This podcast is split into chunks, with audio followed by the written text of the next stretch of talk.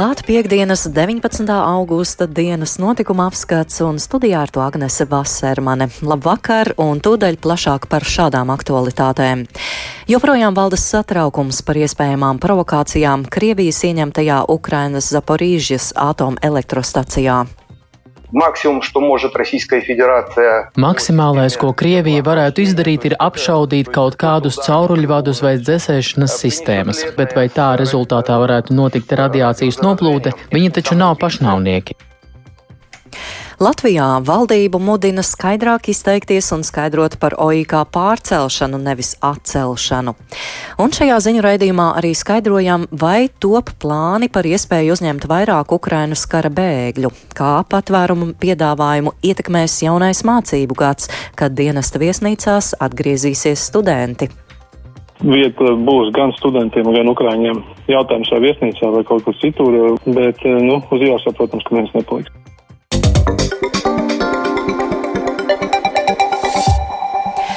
Nerimst bažas par drošības situāciju Ukrainai piedarošajā, bet Krievijas karaspēka sagrābtajā Zaporīžas atomelektrostacijā. Kijeva ziņo, ka Krievija gatavojas atslēgt Zaporīžas atomelektrostaciju no Ukrainas energosistēmas. Turcijas prezidents Erdogans piedāvājis Ukrainas kolēģim Zelenskim tikties ar Krievijas vadītāju Putinu. Vairāk stāsta Uldis Česberis.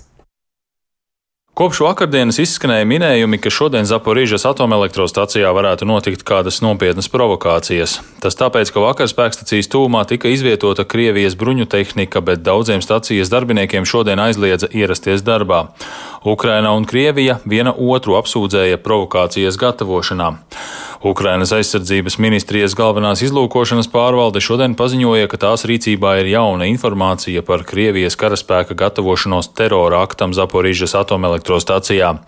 Medijos un ekspertu komentāros izskanējuši brīdinājumi, ka Krievijas karaspēks varētu uzspridzināt Zaporīžas atomelektrostaciju, kas nozīmētu bīstamas radiācijas izplatīšanos plašā teritorijā. Brītu raidsabiedrības BBC korespondents ziņo, ka vakar Zaporīžas pilsētā, kas atrodas aptuveni 120 km no atomspēkstacijas, ārkārtas dienestu darbinieki mācījušies, kā rīkoties iespējamas kodolavārijas gadījumā.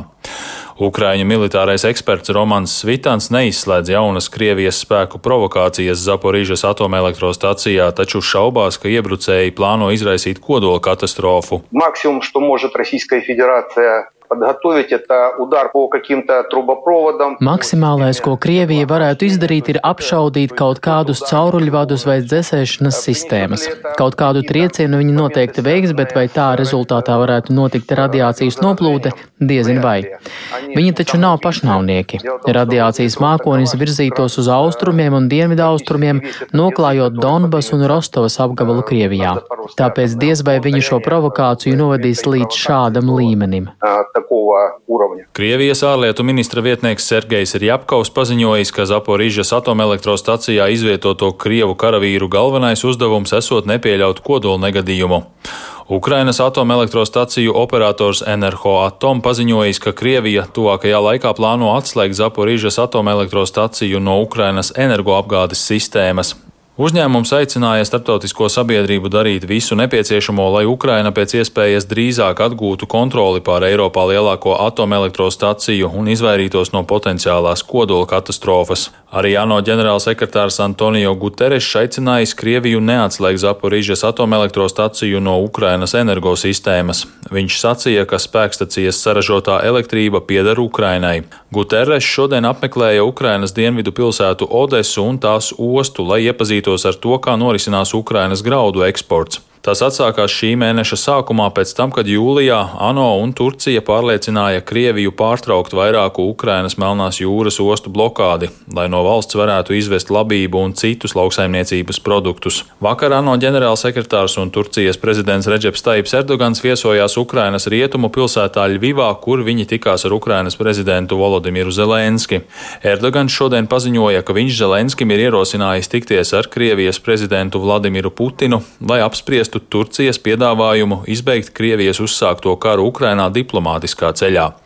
Ukrainas amatpersonas iepriekš ir paziņojušas, ka Kīva būs gatava runāt ar Maskavu tikai pēc tam, kad Ukraina būs atguvusi Krievijas okupētās teritorijas.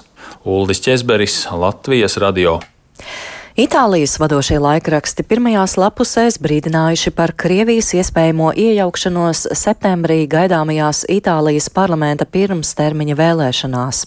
Preses satraukumu izraisījis Krievijas bijušā prezidenta Dmitrija Medvēģeva aicinājums Eiropas valstu pilsoņiem sodīt savas valdības par acīm redzamo stulbumu, sniedzot militāro un finansiālo palīdzību Ukrainai un piemērojot sankcijas Krievijai. Uldis Ķezberis turpina. Izdevumi La Repubblica un Il Messaggero pauduši sašutumu par Krievijas iejaukšanos Itālijas iekšpolitikā, bet avīze Corriere della Sera norādījusi, ka Krievija mēģina saduļķot Itālijas politiskos ūdeņus pirms vēlēšanām 25. septembrī. Itālijas aizejošā premjerministra Mario Draghi valdība nosodīja Krievijas iebrukumu Ukrainā un sniedza dažāda veida palīdzību Ukrainai. Itālijas nostāja varētu mainīties, ja vēlēšanās uzvarēs labējo partiju koalīcija, ko veido arī Krievijai simpatizējoši spēki. Tikmēr Maskavā pirmos apmeklētājus ir sagaidījis pasaulē lielākā kafejnīcu tīkla Starbucks pēctecis Stars Coffee. Sietlā bāzētais uzņēmums pēc 15 gadu darbības martā apturēja 130 kafejnīcu darbību Krievijā, bet maijā paziņoja par aiziešanu no Krievijas tirgus. Krievijas reperis Timatī un Krievu restorānu jomā strādājošais uzņēmējs Antons Pinskis jūlijā iegādājās Starbucks darbību Krievijā un deva jaunu nosaukumu Stars Coffee, to skaidrojot ar to, ka jaunais zīmols apvienojot gastronomijas nozares zvaigznes. Turpina Rihards Plūme. Uzņēmuma logo izskatās ļoti līdzīgs savam priekštecim. Logotips aizvieto Starbucks ikonisko nāru ar sievieti, kas valkā tradicionālu krievu galvas segu kokošņiku. Kafejnīcās varēs atrast pazīstamus kofeīnu saturošus dzērienus, bet ne Starbucks patentētos frappuccino. Jaunā ķēde arī turpinošot Starbucks tradīciju rakstīt klientu vārdus uz krūzītēm. Līdz septembra beigām tikšot atvērtas kafejnīcas arī citviet Krievijā. Daļa no šīm kafejnīcām kļūšot arī par restorāniem. Aptuveni 80% no Starbucks 2000 darbiniekiem Krievijā pēc īpašnieku mājiņas izvēlējušies palikt darba vietā.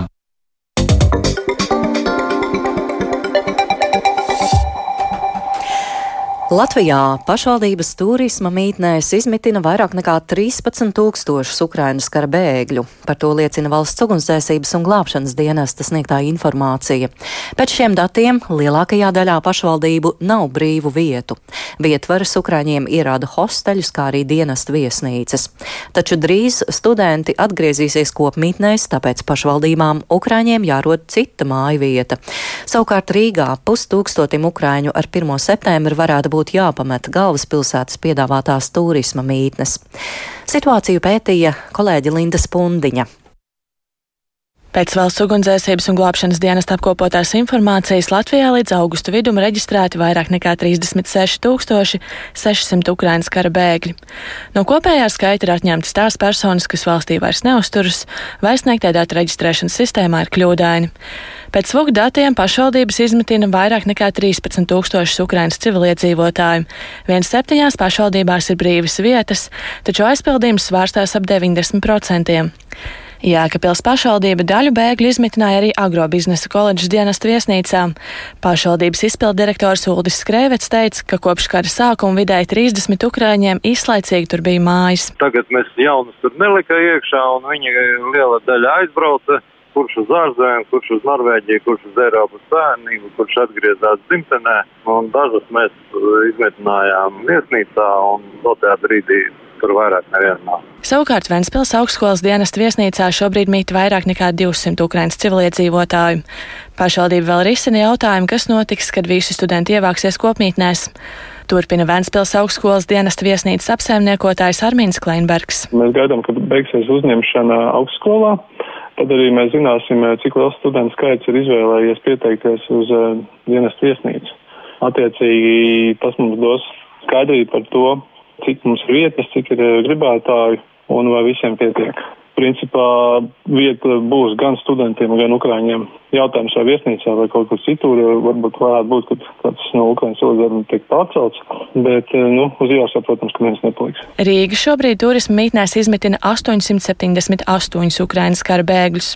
Nepilni 200 dzīvo izglītības iestāžu dienestu viesnīcās, stāsta pašvaldības priekšsādātāja vietniece Linda Ozola no konservatīviem. Mums ir informācija par 37 cilvēkiem, kuriem uz 1. septembri nebūs beidzies izmitināšanas termiņš, kas viņiem pienākās kā atbalsts no valsts puses, bet mēs viņus tur nevarēsim paturēt tajās dienas viesnīcās, kur viņi ir šobrīd, jo uzsāksies izglītības process. Tātad tie būs 37 cilvēki, kas mums pilnīgi noteikti ir jāpārmitina. Ozola norāda, ka ir vairākas dienesta viesnīcas, kurās sākoties mācību gadam varēs izmitināt ukrāņus. Tāpat galvaspilsēta sadarbojas ar vairākiem komersantiem, kas atvēlējuši vietu kara bēgļiem. Jāatgādina, ka jūlijā galvaspilsēta teica, ka jaunas Ukrainas kara bēgļus vairs neuzņems, kā vienu no iemesliem minot turismu mītņu trūkumu. Taču pēc 1. jūlijas stājās spēkā izmaiņas Ukrainas civiliedzīvotāju izmitināšanas noteikumos, paredzot trīs reizes mazāku valsts atbalstu, kāds nepieciešams galvaspilsētai mītņu nodrošināšanai. Rīgai ar 100 eiro mēnesī par vienu izmitināmo cilvēku turismu mītnēs nepietiek, jo cenas ir augstākas. Tāpēc pašvaldība lēma iztrūkstošo daļu sekt no sava budžeta budžeta līdz 1. septembrim. Pēc 1. septembra mēs šobrīd esam uzsākuši aktīvi informēt Ukrāņus, uz kuriem tas attieksies, ka šī starpība par gala summu būs jāsadz viņiem pašiem, vai arī viņiem būs jāatbrīvo šīs telpas un jāmeklē cita dzīves vieta. Un mūsu gadījumā šādi ir 536 cilvēki. Tomēr Rīga turpina uzņemt Ukrāņus. Mēneša sākumā galvaspilsēta paziņoja, ka turpmāk varēs nodrošināt izmitināšanu par augstāku maksu, bet uz uz īsāku termiņu, 60 dienām, taču ministru kabineta noteikumiem ir piebilde tikai tad, ja pašvaldībā ir sasniegti 80% no faktiski iespējamā izmitināmo Ukraiņas civiliedzīvotāju skaita un nav iespējams nodrošināt izmitināšanu citā pašvaldībā. Pēc VUGD sniegtās informācijas Rīgā simtprocentīgi ir aizpildītas visas vietas, taču VUGD dati krietni atšķiras no pašvaldības. Linda Spundiņa, Latvijas radio. Pašvaldības šobrīd tiek galā ar Ukrainas civiliedzīvotāju izmitināšanu, tā norāda iekšlietu ministrijas valsts sekretārs Dimitrijs Trofīmaus. Valdības plāns paredz, ka mēs varam sniegt atbalstu 40 tūkstošiem Ukrainas kara bēgļu. Iesaistītās puses tuvākajā laikā vērtēs nepieciešamību veikt korekcijas plānā, saka Trofīmaus. Ar valsts sekretāru sarunājās Linda Spundiņa. Pēc Vogdas sniegtās informācijas šobrīd Latvijā reģistrēta vairāk nekā 36 tūkstoši Ukraiņas cilvēdzīvotāju. Latvijas griestu uzņemšanai bija 40 tūkstoši. Vai tiek gatavot plānu par iespēju uzņemt vairāk bēgļu? Šobrīd tendence var teikt tāda, ka šī plūsma ir stabilizējusies, lai arī joprojām pietiekami liels skaits cilvēku ieceļot caur ārējo robežu. Vidēji mēs runājam tie tuvu tūkstots dienā bet uh, nu, pamatā kādi 12 vai 15 cilvēki no visas šīs plūsmas vēršās pēc šī lūguma nodrošināt izmitināšanu. Ukrainas likumā mums uh, šie 40 tūkstoši vairāk plānoti pret izmitināšanu, kas mums šobrīd, kā es minēju, 12 tūkstoši nav ne tuvu tam. Bet uh, kopējais cilvēku skaits, kas pieprasījuši, teiksim, sociālo atbalstu pēc labklājības ministrijas datiem, 30 tūkstoši šobrīd ir tie, kas ir saņēmuši garantēto minimālo ienākumu pabalstu. Indikatīvi valdības iezīmētais arī plāns tiem izdevumiem bija nedaudz vairāk kā 100 miljoni, un šobrīd tie ir ap 50 miljoniem, kas ir faktiski iztērēti tādēļ pret indikatīvo plānojumu šīs te pakalpojumu gros joprojām ir šajā iezīmētajā finansējumā, tādēļ arī šis būs jautājums, vai nepieciešams būtiski kaut ko mainīt, tā kā mēs varam droši teikt šobrīd pašvaldības, nu, tiek galā ar to kapacitāti, kas ir bijusi līdz šim. Pēc VUK datiem raugoties, vien pāris pašvaldībās šobrīd ir brīvas vietas Ukraiņu uzņemšanai, bet tāpat aizpildīti aptuveni 90% vietu. Kā jūs arī pareizi minat, tā ir tuvu šiem 100%, bet tas ir plūstošs process. Uz šo aizpildījumu nevar skatīties ar uh, nākamās nedēļas acīm, tādēļ šis aizpildījums šobrīd tiek regulēts savu reālo šo cilvēku plūsmu. Rīgā ir brīvas vietas 60 dienām, bet par augstāku maksu. Tur saka, ka ir iespēja uzņemt bēgļus, taču vispirms tiek vērtēts, vai kādā citā pašvaldībā nav brīvas vietas, un tikai tad galvaspilsēta var uzņemt. Tādā precīzā pieejā, ka kamēr nav tiešām izsmelt resursus visur citur, nevar darbināt 60 dienas. Nu, tas, es teiktu, ir fleksibls uh, risinājums, ja mēs saprotam, ka patiesi šī vajadzība ir tāda, kāda viņa bija jūnijā, kad uh, lēma par šīm 60 dienām par paaugstinātu maksu. Bija pilnīgi skaidrs, ka neatkarīgi no tā, vai kādā pašvaldībā citā teoretiski ir vai nav dažas vietas, ja Rīgā, piemēram, ierodās lielāks cilvēku skaits un ir nepieciešams darbināt šīs 60 dienas, tad, protams, tas var tikt darīts. Ukrainas kara bēgļu izmitināšanu komentēja iekšlietu ministrijas valsts sekretārs Dimitrijs Trofīmovs.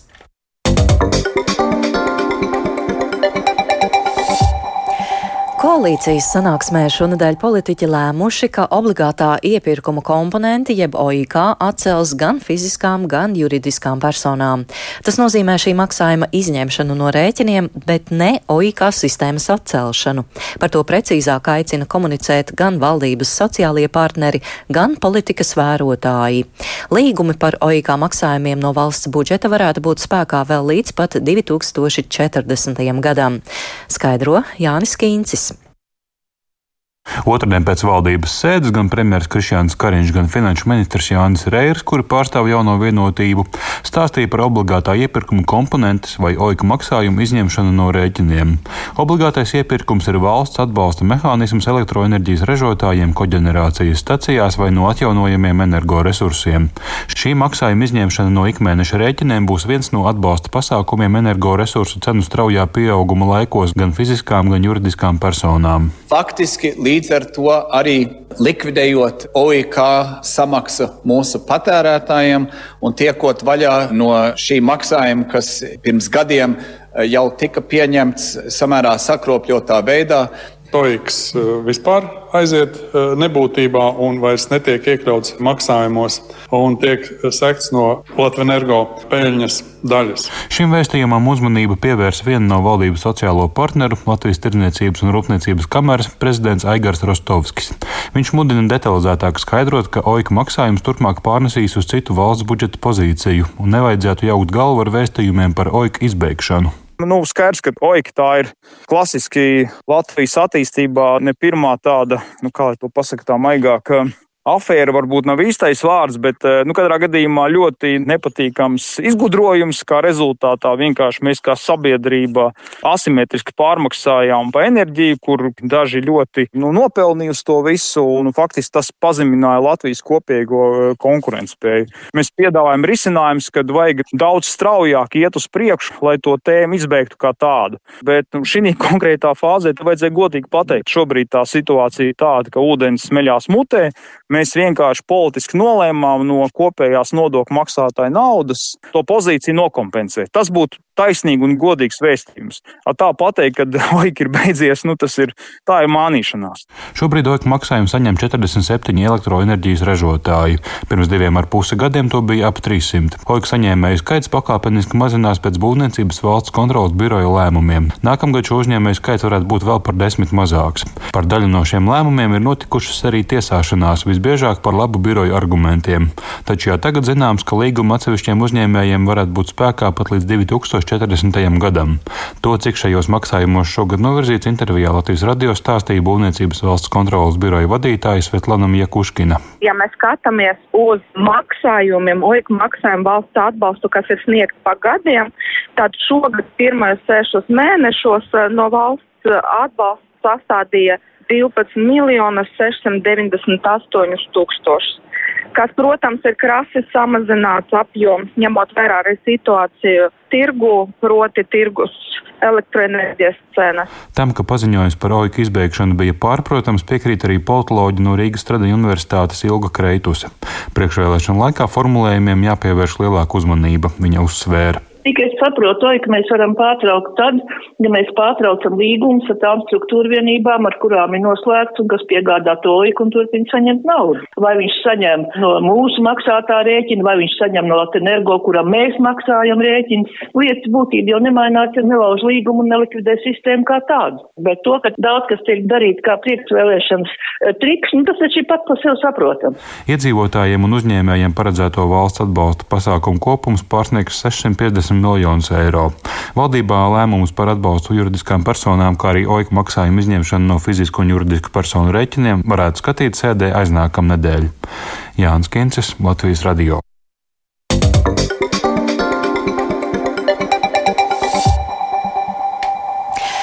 Un Latvijas Nacionālā simfoniskā orķestra LNSO vasarnīca atgriežas koncertzālē Latvija. Šajā nedēļas nogalē gaidāma plaša festivāla programma, par ko vairāk Ingas Uzols ierakstā.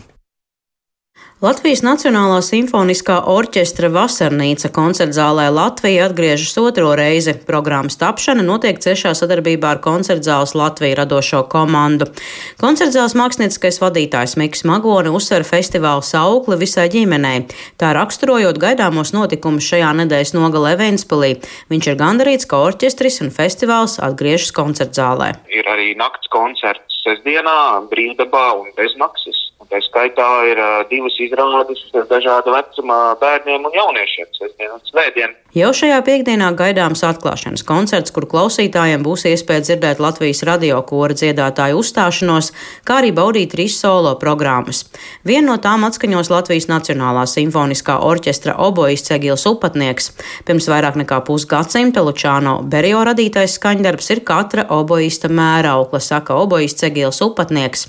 Instruments arī ir ievērojami evolucionējis kopš tiem laikiem, kad eh, skaņdarbs tika uzrakstīts. Tāpat tās arī skaņas estētika ir mainījusies, tiek lietots nedaudz savādāks nu, nedaudz vai pat daudz savādāk ekipējums nekā 69. gadā. Izpildījums varot pārsteigt ne tikai klausītāju, bet arī pašu izpildītāju. Kā jau tas nereti gadās ar avangardu mūziku, nu, tur reti ir tāda uzreiz mīlestība no pirmā atu uzmaniena. Tā kā vārds interesanti vai saistoši vai suģistējoši, es būšu priecīgs, ja kaut vai daļai no klausītājiem tas tāds būs. Festivāla programmas noslēgumā būs iespēja dzirdēt itāļu izcelsmes kanādiešu dziedātājs uzstāšanos. Operdīva ir tikai 28 gadus jauna, taču jau regulāri regulāri viesojas labākajos pasaules opernamos.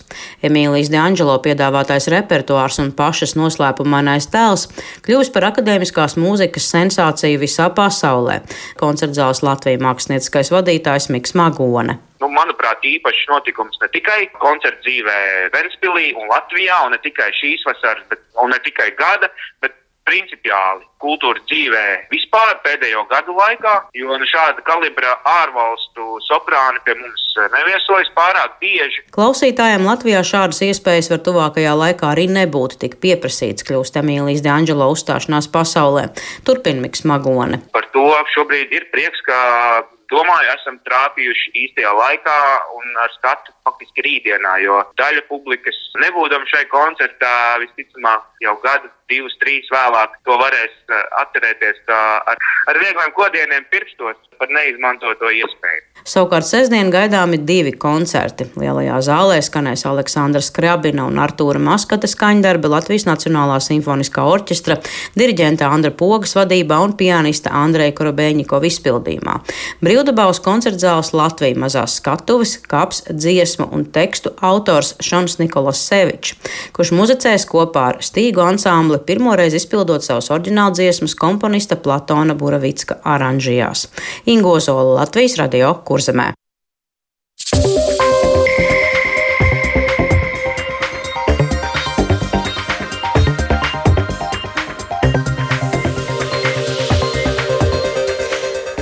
Arī izskan piekdienas 19. augusta dienas notikuma apskats. Mm, šīs ziņa programmas producents ir Viktors Pupiks.